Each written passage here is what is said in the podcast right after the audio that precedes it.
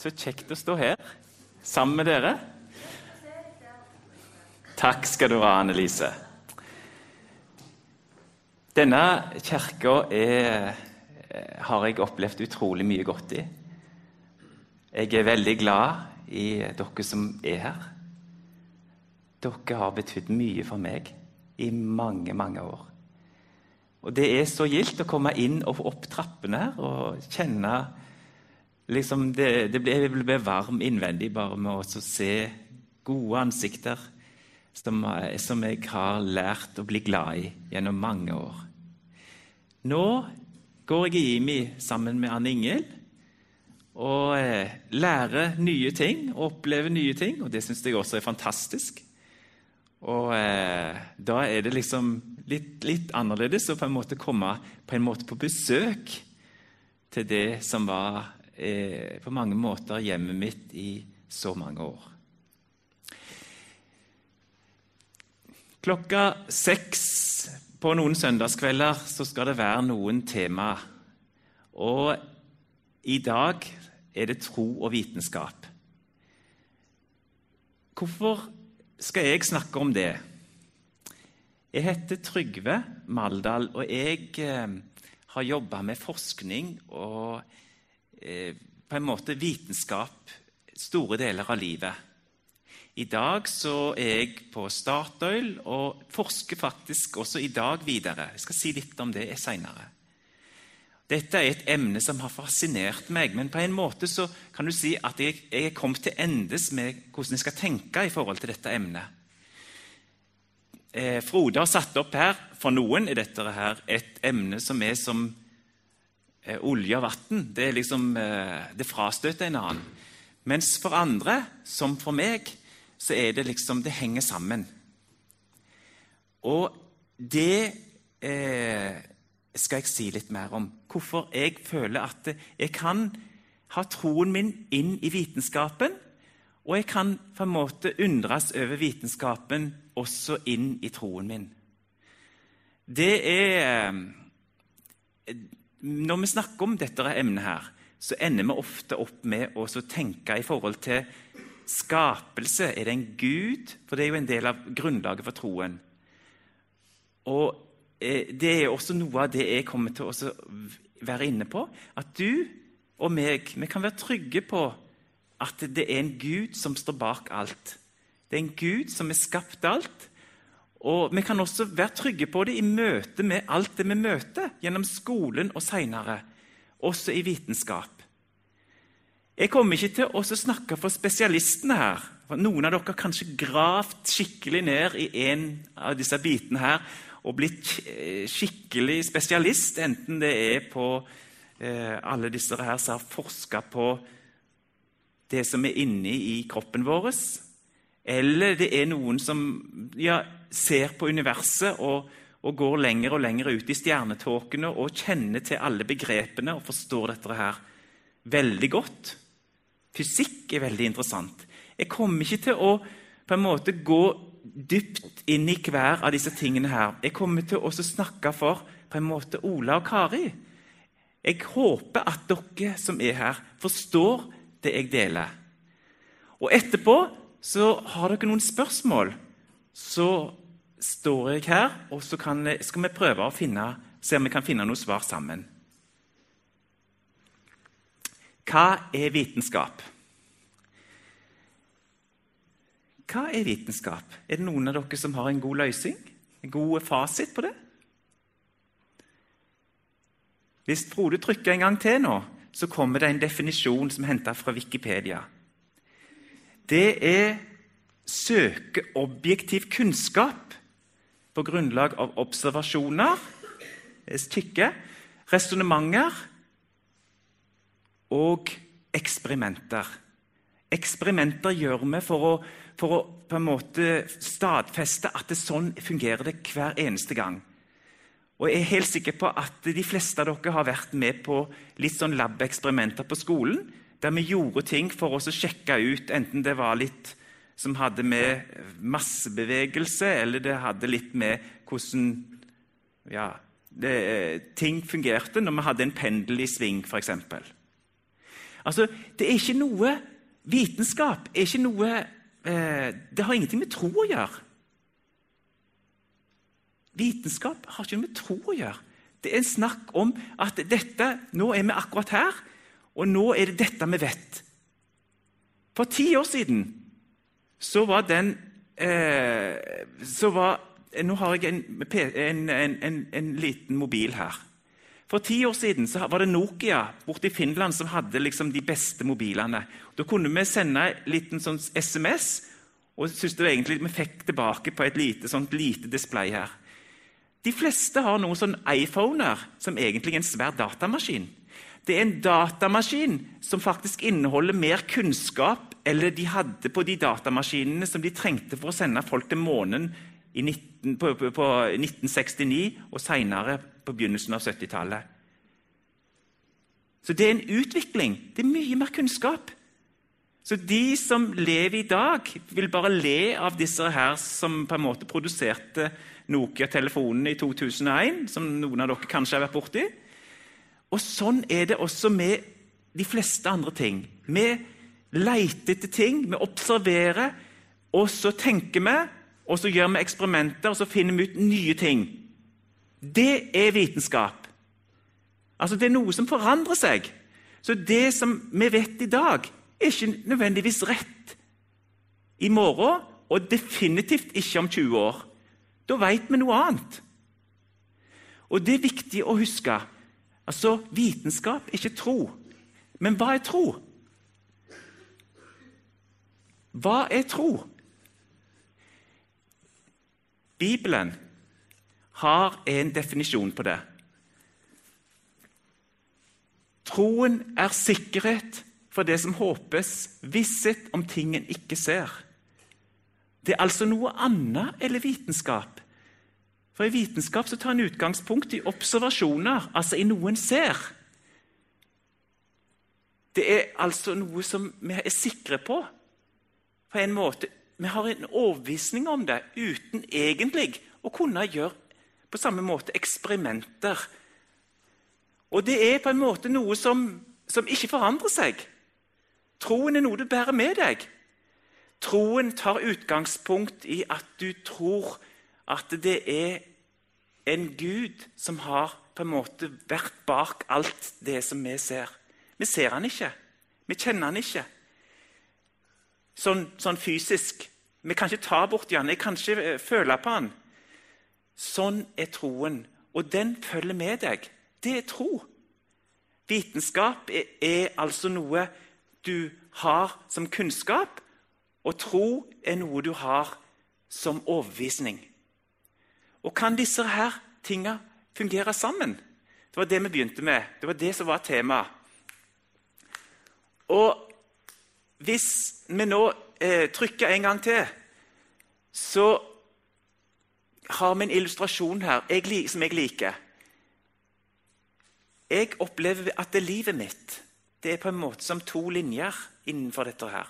Og innenfor det Dere ser disse pilene som går opp og ned. Den ene peker innover mot noe som jeg, jeg kan bruke i troen, selv om jeg egentlig ikke ser det. Som troende så er jeg nysgjerrig, jeg er undrende, jeg er reflekterende, og jeg prøver å sette ting sammen.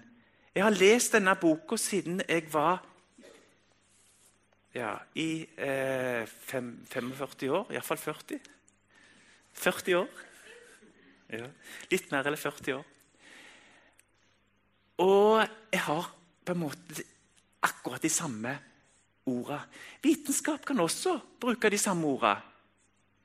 Du undersøker noe, du er nysgjerrig. 'Dette vil jeg finne ut av.' Du undrer deg. Hvordan er det dette her? Du prøver å reflektere, og du sammenstiller.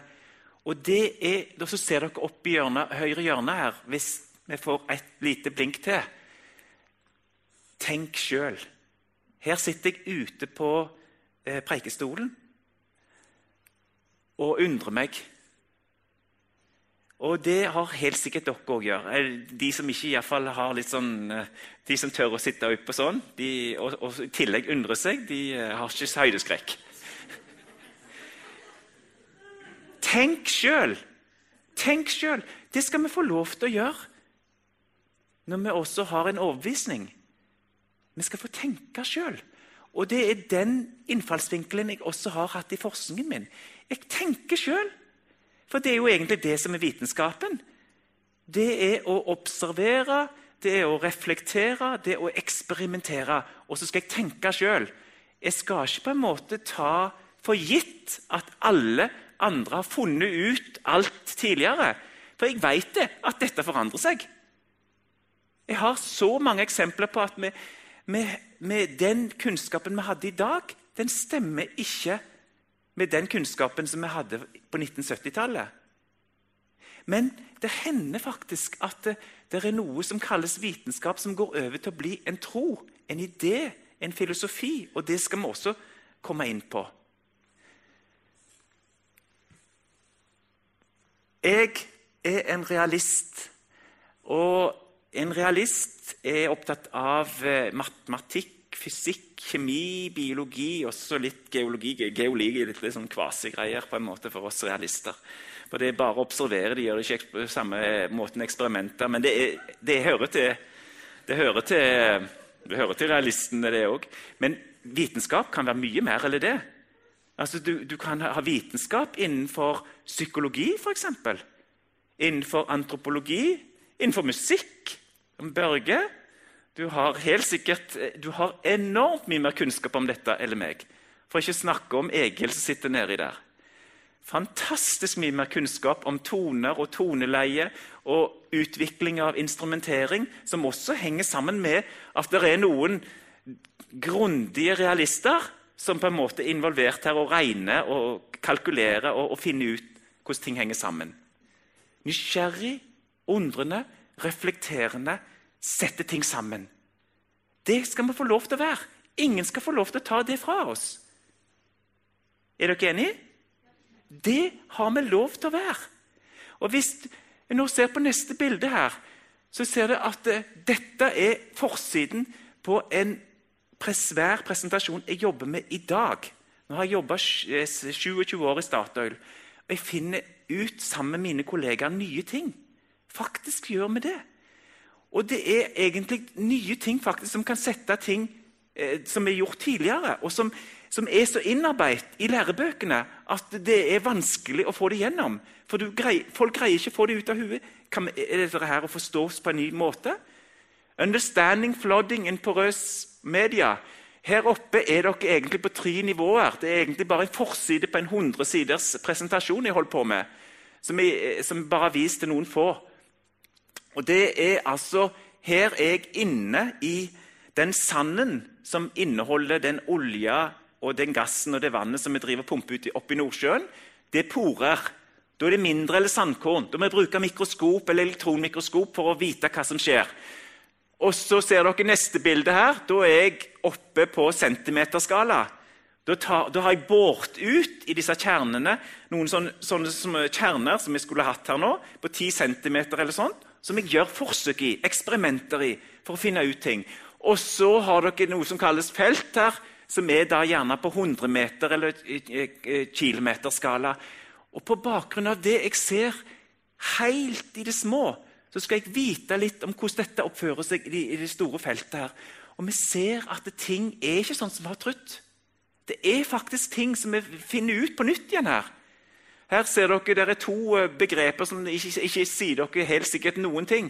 Men det er, det er, altså utrolig spennende. Og sånn er vitenskap. Det er spennende, for vi finner ut nye ting.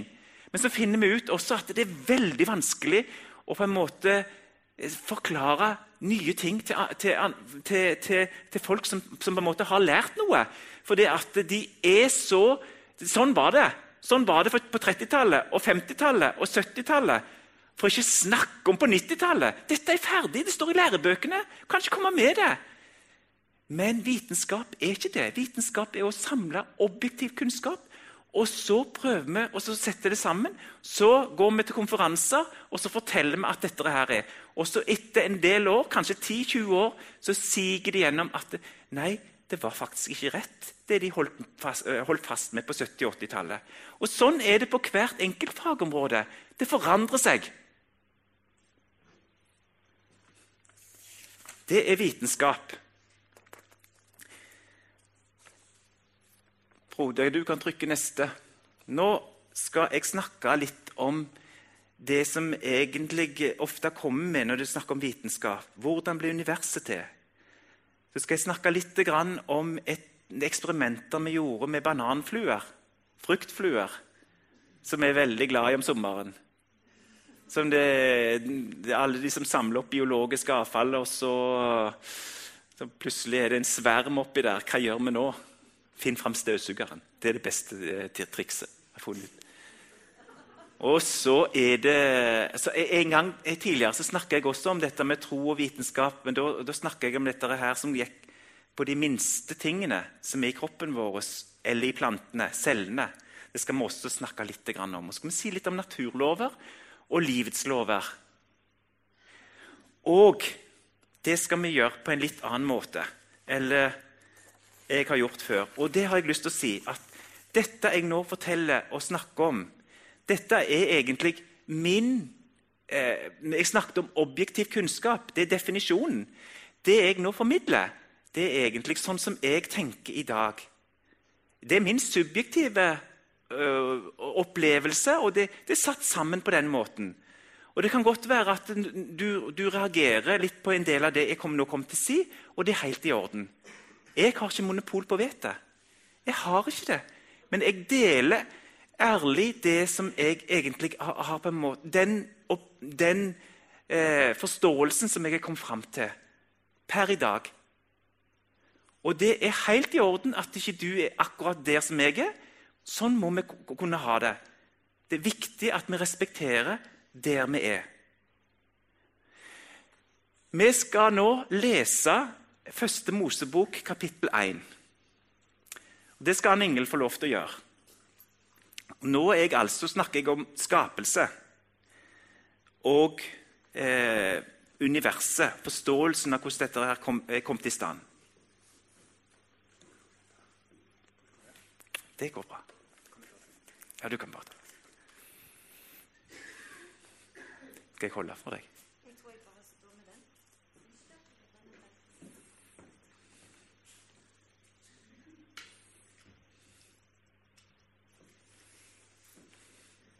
Vær så god.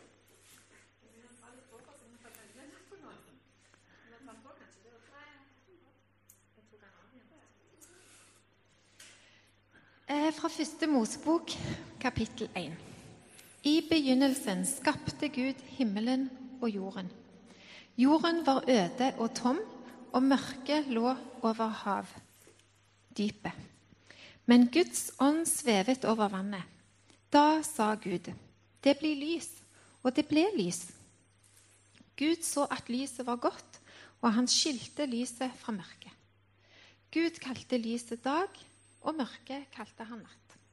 Og det ble kveld, og det ble morgen første dag. Gud sa, det skal bli en hvelving midt i vannet, og den skal skille vann fra vann. Og det ble slik. Gud gjorde må visst ha de der likevel.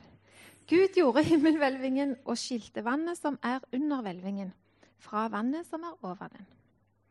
Gud kalte hvelvingen himmel, og det ble kveld, og det ble morgen andre dag. Gud sa, Vann, vannet under himmelen skal samle seg på ett sted, så det faste land kommer til syne. Og det ble slik. Gud kalte det faste landet for jord, og vannmassen kalte han hav. Og Gud så at det var godt. Da sa Gud, jorden skal la grønne vekster gro fram, planter som setter frø, og trær som bærer all slags frukt med, liv, med frø i på jorden. Og det ble slik. Jorden bar fram grønne vekster, planter som setter frø, og trær som bærer frukt med frø i, hvert etter sitt slag. Og Gud så at det var godt, og det ble kveld, og det ble morgen, tredje dag. Gud sa, det skal bli lys på himmelhvelvingen. De skal skille mellom dag og natt og være merker som fastsetter høytider, dager og år. De skal skinne på hvelvingen og lyse utover jorden og det ble slik. Gud skapte de to store lysene, det største til å råde om dagen og det minste til å råde om natten, og stjernene. Gud satte dem på himmelhvelvingen til å lyse ut over jorden, til å råde om dagen og natten og til å skille lyset fra mørket. Og Gud så at det var godt. Og det ble kveld, og det ble morgen, fjerde dag. Gud sa, i vannet skal det myldre av liv, og fugler skal fly over jorden, under himmelhvelvingen. Og Gud skapte de store sjødyrene og alt liv som det yrer og kryr av i vannet, hvert etter sitt slag. Og alle dyr som har vinger til å fly med, hvert etter sitt slag. Og Gud så at det var godt. Han velsignet dem og sa, dere skal være fruktbare og formere dere og fylle vannet i havet. Og fuglene skal formere seg på jorden. Og det ble kveld, og det ble morgen. Femte dag. Gud sa, Jorden skal la alle slags levende skapninger gå fram. Fe, kryp og ville dyr, etter hvert, hvert etter sitt slag. Og det ble slik. Gud skapte alle slags ville dyr og alle slags fe og krypet på marken av alle slag.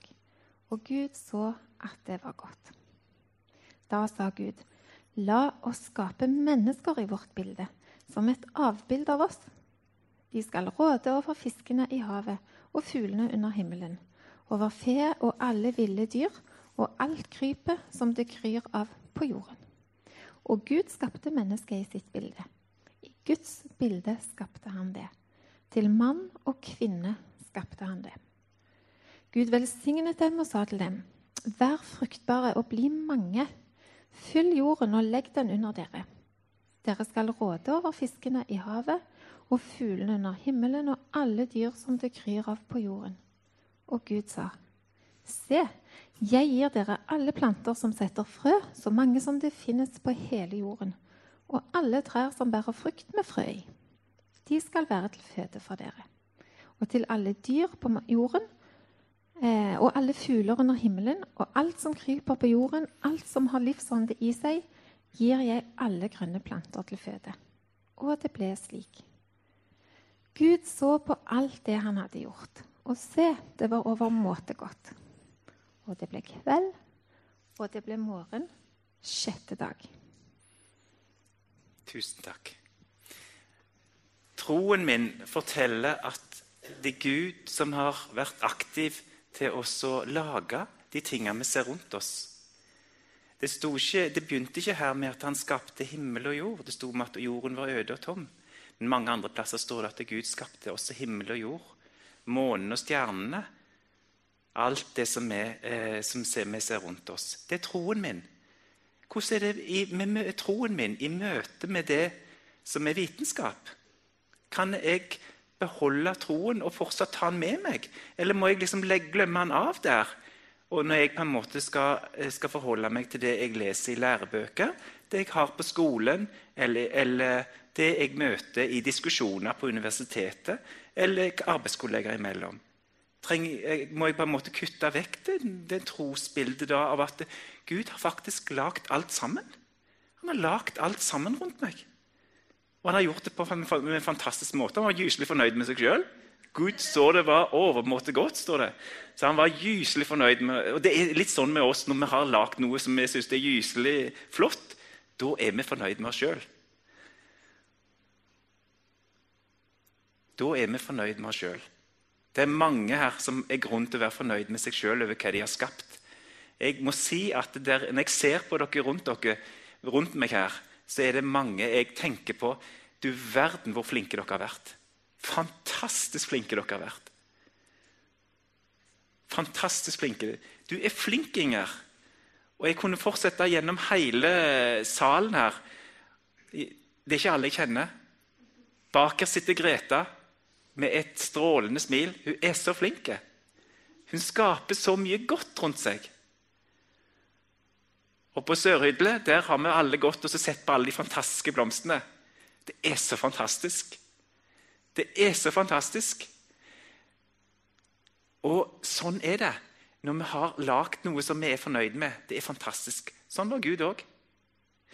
Nå skal jeg lese litt om det vi leser i, i lærebøkene.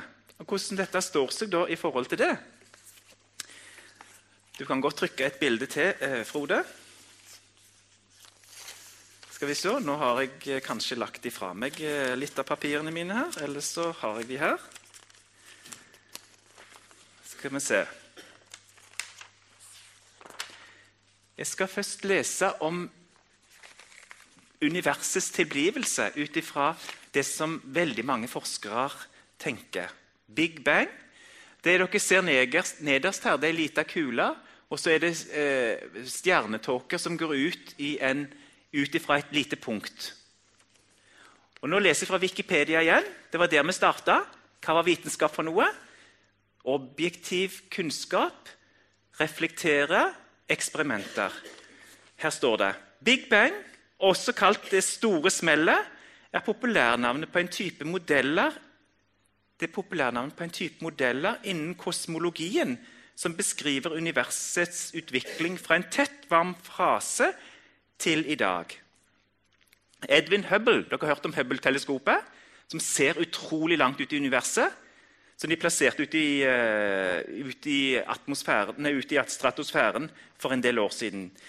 Han levde i, 19, i 1929. Så påviste han at fjerne galakser det dere ser her, beveger seg vekk fra oss, og at deres hastighet øker med avstanden fra oss. De ekspanderende løsningene, løsningene, i generell relativitetsteori og her med Albert Einstein, Dette er litt vanskelige ord, men dere skjønner poenget. Gir en naturlig tolkning av disse observasjonene som et resultat av at rommet mellom galaksene utvider seg. Dere har beundra stjernehimmelen, alle sammen. Og vi ser bare stjerner i vår galakse. Og så fins det mange andre galakser. Iallfall er det det vi synes å observere fra, med, med, med teleskop. At rommet utvider seg, betyr ganske enkelt at den fysiske avstanden mellom to gitte objekter øker med tiden. Som en konsekvens av dette må alt innenfor den delen av universet som vi kan observere, en gang for lenge siden være samlet på et mye mindre område. Og Går vi langt nok tilbake i tid, kommer vi til et punkt der alle punktene innenfor vårt observerbare hørte dere ordet, observerbare univers var samlet i et bitte lite område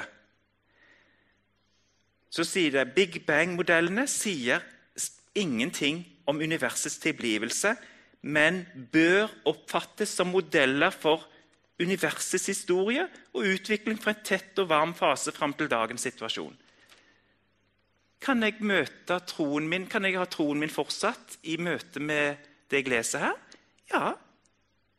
Det forteller egentlig ikke noe annet enn at vi, har, vi, driver og måler på avstander mellom galakser som forsvinner ut med veldig stor fart fra en annen. Det forteller egentlig ingenting om hvordan det er, har seg slik at solsystemet akkurat vårt, med planetene rundt, er tilfeldigvis akkurat havna med den avstanden de er, og står i de forholdene de. Det står bare egentlig at de, de forflytter seg veldig fort fra en annen. Og her er, det, her er det stadig ny, oppdatert kunnskap så Noen har jo funnet ut at det er noen galakser som beveger seg feil vei her. så det stemmer ikke helt overens. Det er oppdatert kunnskap. Det er ikke Noen sier de tror på Big Bang. Men, men du kan ikke bruke ordet tro inn i, inn i, dette. Dette er egentlig Du kan på en måte si at uh, dette er en modell. Ja, men det er noe helt annet. En modell skal du få lov til å ha. Og det kan vi få lov til å ha, både om det ene og det andre. Men å si at du tror på en gud eller du tror på en big bang, det blir egentlig å holde ting opp imot en annen som egentlig ikke hører sammen. Sånn som jeg opplever det. Det hører ikke sammen. Jeg, jeg kan møte dette her med troen på Gud har klart det. Gud har faktisk satt tingene på plass på en måte som er helt fantastisk. Og Nå skal jeg lese videre her om noe annet. Dere hørte Anne Inge leste om dette her med livet, hvordan det kom til, og hvordan Gud på en måte lagde det ene etter det andre. Jeg, eh, nå har jeg eh, henta noe fra Newton. Newton er et sånn populærvitenskapelig magasin som eh, av og til vises på TV for å forklare om vitenskapelige ting. Og her er det om livet. Og så står det om en gitt tidsperiode langt, langt, langt tilbake. Der står det Kambrium. 500 millioner år tilbake. står det her. Dette er perioden hvor livet kliner til og lager nye skapninger fortere enn du kan si kake. Dessuten ser våre første for, for, forfedre dagens lys. Har noen av dere lest eh, Darwin, 'Artenes opprinnelse'?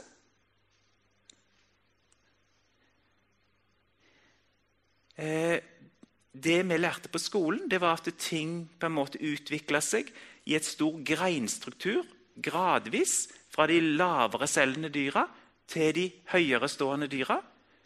Nå har de funnet ny kunnskap. Og hør, hør, her står det de første tre milliardene av åra eh, av, av, jordkloden Av utviklingen, står det her, av livet på jorda, var omtrent som en gammeldags såpeopera. Dårlig med action, egentlig. Ting gikk temmelig tregt, og man kunne stikke ut en tur og komme tilbake etter noen millioner år. Ville ingenting ha forandret seg særlig mye i mellomtiden. Etter tre milliarder år var det fremdeles stort sett bare bitte små celler å finne. Men så ble det andre boller. Det er ikke jeg som sier det. Her, dette, er, dette er, står her.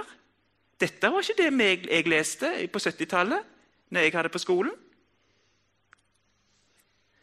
For rundt 550 millioner år siden begynte en periode som heter kambrium. Og det var her at livet Hør begrepet. Livet bestemte seg for å virkelig kline til. jeg, jeg, altså, jeg, jeg, bare leser det som står her. Livet bestemte seg for å virkelig kline til.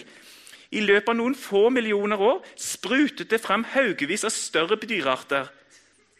Nede i havene suste plutselig digre dyr på flere meter. Det var superskumle rovdyr med kjøttkvern til munn og andre snålinger med pigger i alle retninger. Mange av skapningene utviklet harde skall, og det er flaks for oss. Da kan man nemlig finne fossiler av dem. Akkurat det har man gjort på et sted som heter Himmelhattfjellet, litt av et begrep, i Kina. Og så står det mer om disse eh, fossilene. Livet bestemte seg for å kline til. Det var litt sånn eh, Det er, litt, altså det, det er, det er ikke noe flåsete uttrykk av meg. det Jeg bare leser det som står. Og det, altså det er liksom Jeg har troen min. Gud skapte livet. Bruker, det brukes dag for dag her. Ja, Det kan være seks dager, det kan være seks millioner dager, det kan være 600 millioner dager. Jeg, det vet jeg ikke. Jeg, jeg, vet ikke det. Det står seks dager, og kanskje det er rett. Jeg vet ikke. Men det er vanskelig å få til å gå sammen med en del. Det har masse spørsmål rundt dette med tidsakser. Men det skal vi få lov til å ha. Vi skal få lov til å ha det. Men poenget er at livet bare de kan bare ikke bestemme seg for å kline til. Det går bare ikke. Det, det, det, planetene kan bare ikke bestemme seg for å bli plassert akkurat der. For det er noen lover som styrer dette her. Hvis du trykker på et til her, så, så jeg, jeg, er kjemiker. Dette er to lover som høres forferdelig vanskelig ut. Men for meg er det egentlig eh, sånn, sånn, sånn, Dette er grunnfjellet, på en måte. Den første loven den sier det at eh, i, i, det som vi kaller for termodynamikk, det er forståelse av hvordan eh, systemer henger sammen. Energimengden i universet eller i et isolert system er konstant, står det øverst. Og i Nederst står det entropien, eller uorden, betyr det med et norsk ord. I et lukket termodynamisk system, som så jordkloda, vil alltid øke. Altså hvis du bruker de lovene der på det som vi leste her, så får jeg litt problemer, jeg. Altså som vitenskapsmann. Nå snakker jeg som vitenskapsmann. Og det er helt i orden, for det er faktisk ganske mye paradokser innenfor dette. her. Men troen min har ikke noen problemer. Forstår, dette forstår jeg. Det er, jo, det er, jo, faktisk sånn det er. Det er jo sånn det er. Det er jo ikke egentlig så det blir det færre arter på kloden. Det blir ikke flere. Men det er en orden i systemet i utgangspunktet. Energimengden i universet eller i et isolert system er konstant. Sånn fungerer det i dag. Dette her sier at det har vært en forandring, en ut utvikling. Det, det, sliter litt med. altså. Jeg forstår ikke helt det. Vi kan, kan ta mange flere lover inni for dette. her. Reflekter, tenk og tenk sjøl. Det er helt lov. Og du kan være stolt over å fortsatt tro på en Gud som har skapt det. For hvis det er en Gud som har skapt det, så har du ikke noen problemer med å forstå at det faktisk henger sammen. Det må henge sammen. Hvordan han har gjort det, hvor lang tid han har brukt. Jeg aner ikke. Jeg har fått noen indikasjoner, og jeg har en mistanke til hvordan han har gjort det. Men det som er tøft, det er at jeg, jeg, jeg blir mer og mer overbevist, også når jeg bruker vitenskapelige briller, på at det, det må faktisk være en veldig intelligent vesen som har på en måte satt dette her i sving. Det går ikke an å få det til å gå opp på noen måte. Jeg forstår ikke hvordan livet kan kline til. Det skjønner jeg ikke. Jeg forstår ikke hvordan disse planetene midt fra det smellet kunne på en måte plutselig bare stoppe opp og bestemme seg for å gå eh, rundt hverandre, rundt sola. Det, det, jeg begriper ikke det. Og det gjør ikke vitenskapen heller. De forstår det ikke, og det er helt i orden. Men troen min har ingen problemer inni dette her. Jeg trenger ikke kutte ut troen min. Mange gjør det, men jeg tror man gjør feil. da. For da, kjære tid, hvis ikke jeg skulle på en måte glede meg over og prøve å finne ut Gud han så at det var kjempeflott. Han så livet var fantastisk. Og Det har jeg òg lyst til å se, og det ser jeg òg. Livet er jo fantastisk. Samme hva, Og universet er fantastisk. Det er jo helt fascinerende.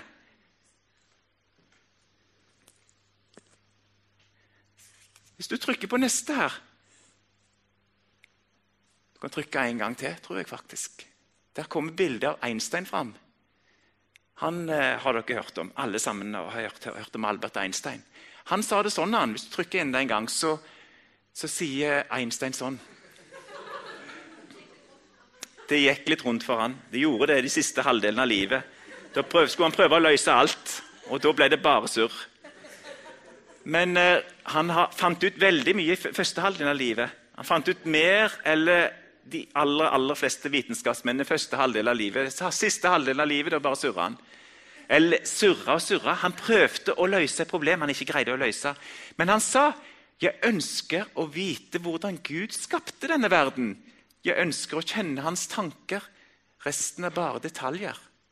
Så sier han oppdagelsen av en fundamental, beviselig naturlov er en inspirasjon av Gud. Så Einstein kutta ikke ut at troen i forhold til vitenskapen. Hvorfor skal jeg gjøre det, da? Om det er noen eh, opp gjennom historien som har på en måte forbudt deg å tenke tro når du driver med vitenskap, eller motsatt. Jeg må få lov til å tenke sjøl. Faktisk. Sånn opplever jeg det.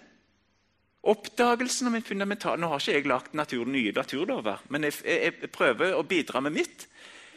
Så er det en inspirasjon av Gud. Du har på en måte fått del i noe som andre ikke har fått sett før. Og det tror jeg at eh, Når du er forsker, så, så er det, det nettopp det du gjør. Og du syns dette her er kjempefascinerende. Skjønner dere nå det som, som Frode hadde som tema, eh, hvorfor han skrev det her? at for Trygve er det som at det går, olje og vann går hånd i hånd. på en måte. Olje og vann, tro og vitenskap det liksom henger ikke sammen. Men for Trygve går tro og vitenskap sammen. Det gjør faktisk det. Det gjorde det for Albert Einstein også. Vi skal ta også, eh, Tiden går, så vi skal snakke litt om eh, eh et, et, et lite fruktflue som jeg nevnte som heter bananfluer. Den hadde forska på i 100 år. De, vi gjorde det på laben på universitetet vi òg. Og det er rett og slett fordi at denne her er, denne formerer seg noe utrolig fort. og Det har vi funnet ut når vi har sett den nede i denne her brune korga. altså. Kjære tid, altså. Jeg var så glad når jeg oppdaga denne med støvsugeren. Det var en som tipsa meg. Endelig har jeg fjerna problemet høres litt drastisk ut, men de, de forsvant. og de ble ikke noe problem etterpå. De har ekstra store kromosomer i spyttkjertlene, og de, et, de, er lett og billige å formere. De tar åtte dager før du får en ny generasjon. Vi har holdt på i over 100 år med disse her. Og det er lagd uh, flere tusen generasjoner av dem. Vi lagde mange generasjoner sjøl på, på, på laben. Og vi utsatte dem for Vi var ganske fæle. Vi kjørte kjemikalier på dem, og vi bestrålte dem. Og det ble ganske De, de fikk noen sånn grønne øyne, og vingene ble avstumpa. og de ble selvfølgelig ikke flygedyktige. Noen mista også beina. Sånn, altså, men vi gjorde det for eksperimentene sin del. Det ble aldri ant- eller bananfluer. Og det vi greide å, å, å, lage til mutasjoner, førte ikke til noe overlevende eh, Førte ikke til at de ble bedre, de ble dårligere. Og de har aldri greid å lage noe annet enn bananfluer. De har holdt på, de har lagd flere tusen generasjoner. Men de kan se ganske annerledes ut. De kan se Ikke en eneste kneler. Ikke en eneste som har endra seg fra å være en fruktflue, bananflue. Så hvis du skal prøve å lage en mygg av en bananflue, så kan jeg garantere du får det ikke til. Du får det ikke til. Livet klinte til. Jeg forstår det ikke. Jeg gjør ikke det, ærlig talt. Men jeg forstår det når jeg tar troen min inn.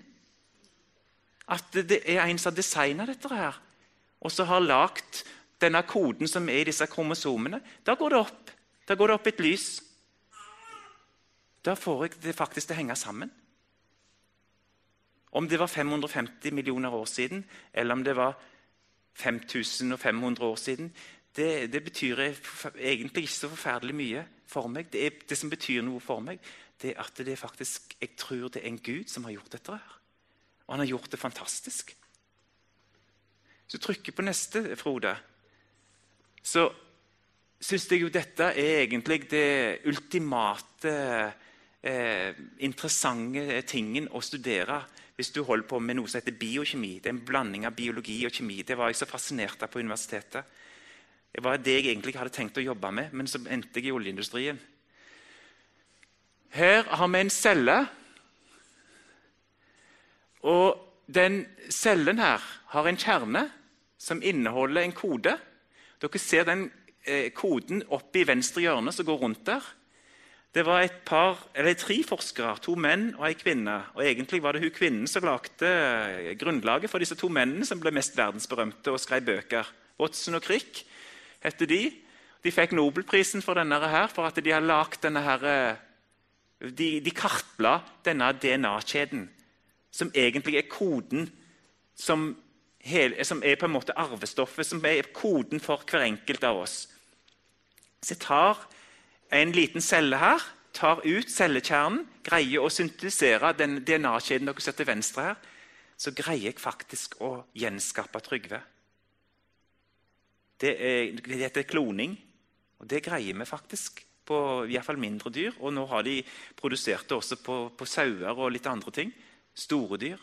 Så altså hele programmet Hele programmet for deg, Øyvind, er Mange programmer for deg forsvinner ut hver eneste gang du dusjer. Da går hudfløsene med. Hver eneste, Vi har milliarder av dem. Det kan faktisk ikke bli noe annet eller Trygve av den koden. Og den leverer jeg videre. Så Sigve han, er, han har fått en dose av eh, En halv, halv dose av denne her. Så en halv dose av sin mamma, så er det blitt Sigve. Fantastisk interessant. Og denne her, eh, Kjeden er så interessant. Den er faktisk litt også i disse her som gule stavene her, som vi kaller for cellens kraftstasjon, som jeg skulle studere. Der er det også litt sånn DNA. Og de har også spor som en kan lese historien på. Det er utrolig fascinerende. Dette er, alle, dette er byggesteiner for alt liv på jorda. Enten det er bakterier som vi ikke er glad i, eller det er planter som står ute i parken her, eller det er oss, mygg eller alt. Alt består av celler.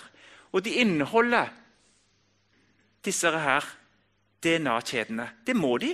De må ha programmet. De må ha programmet for neste generasjon.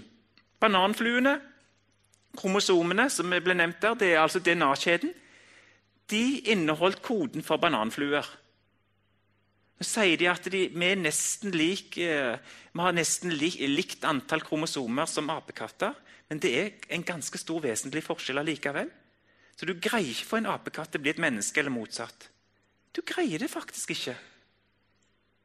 Men vi har mørke mennesker, og vi har røde mennesker, vi har små mennesker, vi har store mennesker, vi har mennesker vi går bakover, vi har hunder, som er ganske stort variasjonsspekter på men det er fortsatt hunder.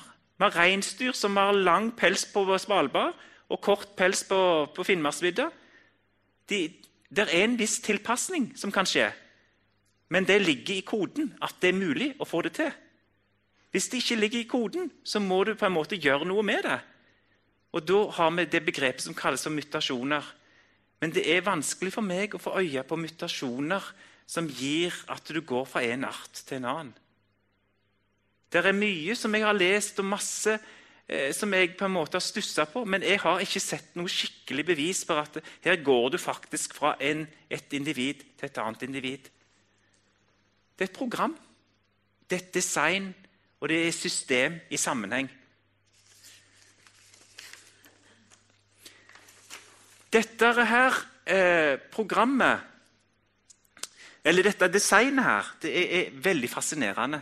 Og de gjør stadig nye oppdagelser her. På 80-tallet fant de ut at uh, hvis de gikk inn i disse her bitene her, proteinmolekylene, så fant de ut at uh, hvis du trykker neste her så kom det fram noen korslignende uh, på en måte korslignende former, som dere ser her. Og, det, og dere ser det består av på en måte én strekk opp sånn, og så, og så, og så noen andre sånn. De var litt, litt skeive, sånn, men de er korsforma. Og gjennom disse her Noen kan si at det er tilfeldig, og det er det kanskje. Men det er rart òg, fordi de, eh, gjennom, de holder hele systemet sammen. Altså Hele kroppen på en måte har disse korslignende strukturene som, heng, som gjør at kroppen på en måte strukturelt biter, henger sammen. Og I tillegg så gis det beskjeder gjennom disse her. Det, det er her på en måte beskjedene går. Og vet, Mange flirer litt når på en måte en trekker inn, inn, inn troen i dette. her. Men jeg, jeg, jeg, syns ikke det er så Jeg syns jeg har frimodighet til å gjøre det. Altså, det var jo litt pussig at det var korser, korsformer. I Bibelen så står det i, i, i begynnelsen av Johannesevangeliet alt er blitt til ved han. Det er på en måte Johannes sin skapelse. Alt ble til ved Jesus. Og Det er ganske fascinerende i alle fall, å finne at når du går til de elektronmikroskopi, som vi fant for ikke så forferdelig mange år siden, metode for å se de minste tingene, så var det kors vi fant når vi undersøkte ting grundig. Det er iallfall interessant når en har den troen en har. Hvis en ikke har den troen, så vil en bare si det tilfeldig, og du kan på en måte flire litt. og sånt. Men for troen min så var dette egentlig veldig interessant i møtet. Veldig fascinerende. Trykk neste, Frode. Naturens lover og livets lover. I første Mosebok så står det at da sa Herren, og deres dager skal være 120 år.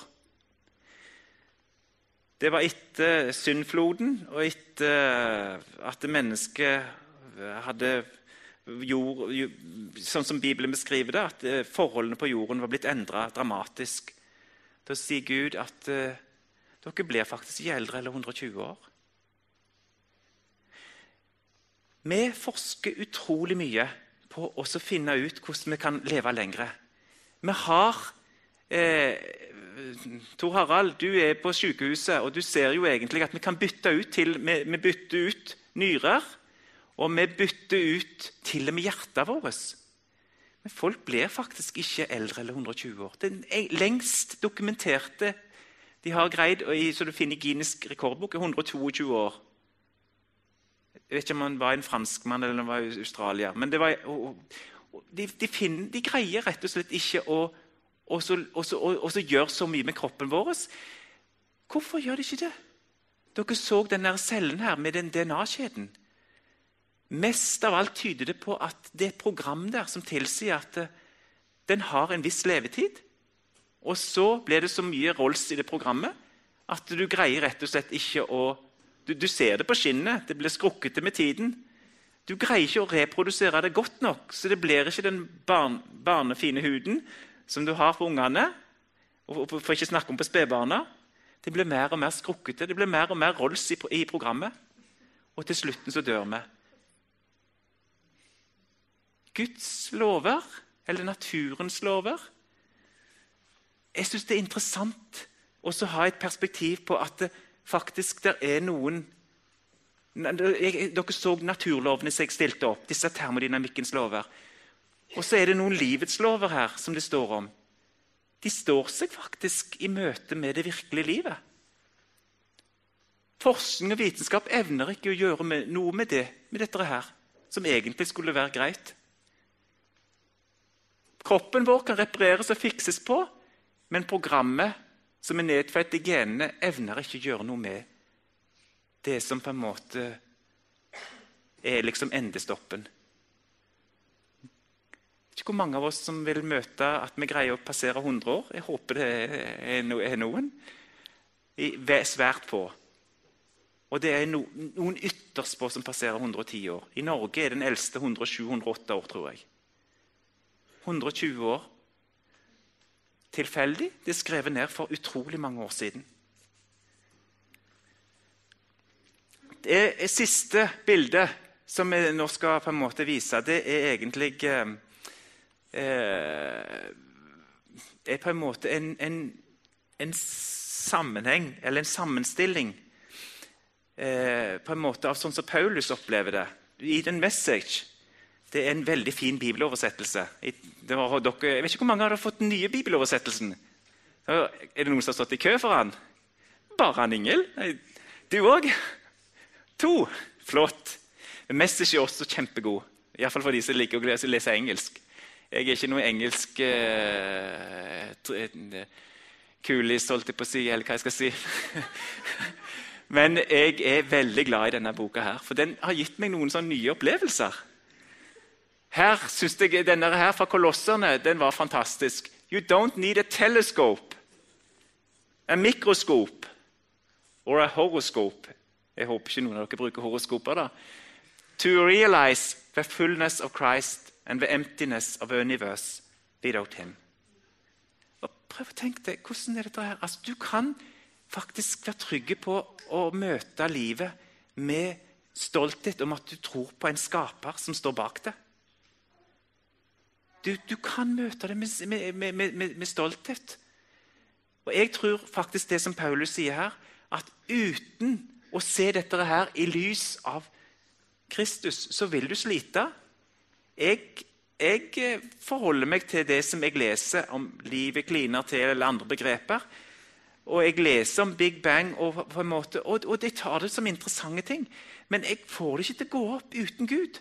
Jeg får det faktisk ikke til å gå opp uten at det har stått noe som har stått en som er utrolig intelligent, og som forstår tinga fantastisk godt bak det. Og Paulus sier også det nederste her. Open your eyes and where it is. By taking a long and thoughtful look at what God has created, people has always been able to see what their eyes as such can see eternal power, for instance, and the mystery of divine being. Altså åpne øynene ved å ta en lang og gjennomtenkt undersøkelse. Det er det du gjør når du resonnerer. Av alt Gud har skapt, har folk alltid vært i stand til å se hva deres fysiske øyne som sådan ikke kan se. Evig kraft, f.eks. Altså, det er jo det som du får en fornemmelse av når du ser universet. En fantastisk kraft som er til stede, og mysteriet i hans guddommelige vesen. Troen er visshet om det en håper, overbevisning om ting en ikke kan se. Men du fornemmer det. Og den fornemmelsen og den troen den står seg også i møte med vitenskapen og det vi stadig finner ut der, som er under forandring. Som er under forandring. Hvis jeg nå har tråkka på noens tær rundt dette, så får det stå sin prøve. Men jeg, jeg har stor respekt for folks standpunkt her. Og vi, så, eh, vi har fått så mye informasjon om, om, om, hvordan ting skal være, og at det, sånn er det, og banke gjennom. Men da sier jeg prøv å tenke sjøl. Jeg kan nevne eksempel på eksempel på at folk det, vi blir presentert for ting som ikke står seg hvis du, hvis du graver dypt nok ned i det. Gud, tror jeg, står seg også i møte vitenskapen, nesten samme hva emne du går inn i. Eller ikke bare nesten, samme hva vitenskap du går inn i. Det er min overbevisning. Jeg er kommet til 56 år, og jeg har bare gått på en liten bete av det. Dere hører jeg er realist. Og det er mange ting som jeg ikke forstår. Og naturlig nok, vi er underveis. Men jeg syns det er fantastisk å få lov til å, å, å grave videre. Og vite at troen min kan, den, den, den kan jeg ha med stolthet allikevel. I møte med samme hva. Sånn som jeg har sett det til nå. Jeg har ikke møtt noen som på en måte har overbevist om noe annet. Det var det jeg hadde på hjertet. Så da, Børge Greier du å finne en vårsang nå òg? Eller greier du å finne en solskinnssang? Jeg vet ikke, jeg. Etterpå hvis det er noen som sitter med noen spørsmål eller noen tanker, kommentarer Du er fri til å si det. Det er ikke mitt poeng å på en måte legge lokk på noen ting. Men hvis du har noe, så bare del det. Jeg sier jeg har ikke noe monopol på sannheten. Dere har nå vært utsatt for sånn som jeg opplever det. Og sånn som jeg ser det etter mine år. Og jeg eh, er åpen for at jeg har tatt feil på noen punkter. Det er jeg helt sikkert. Vær så god, Børge.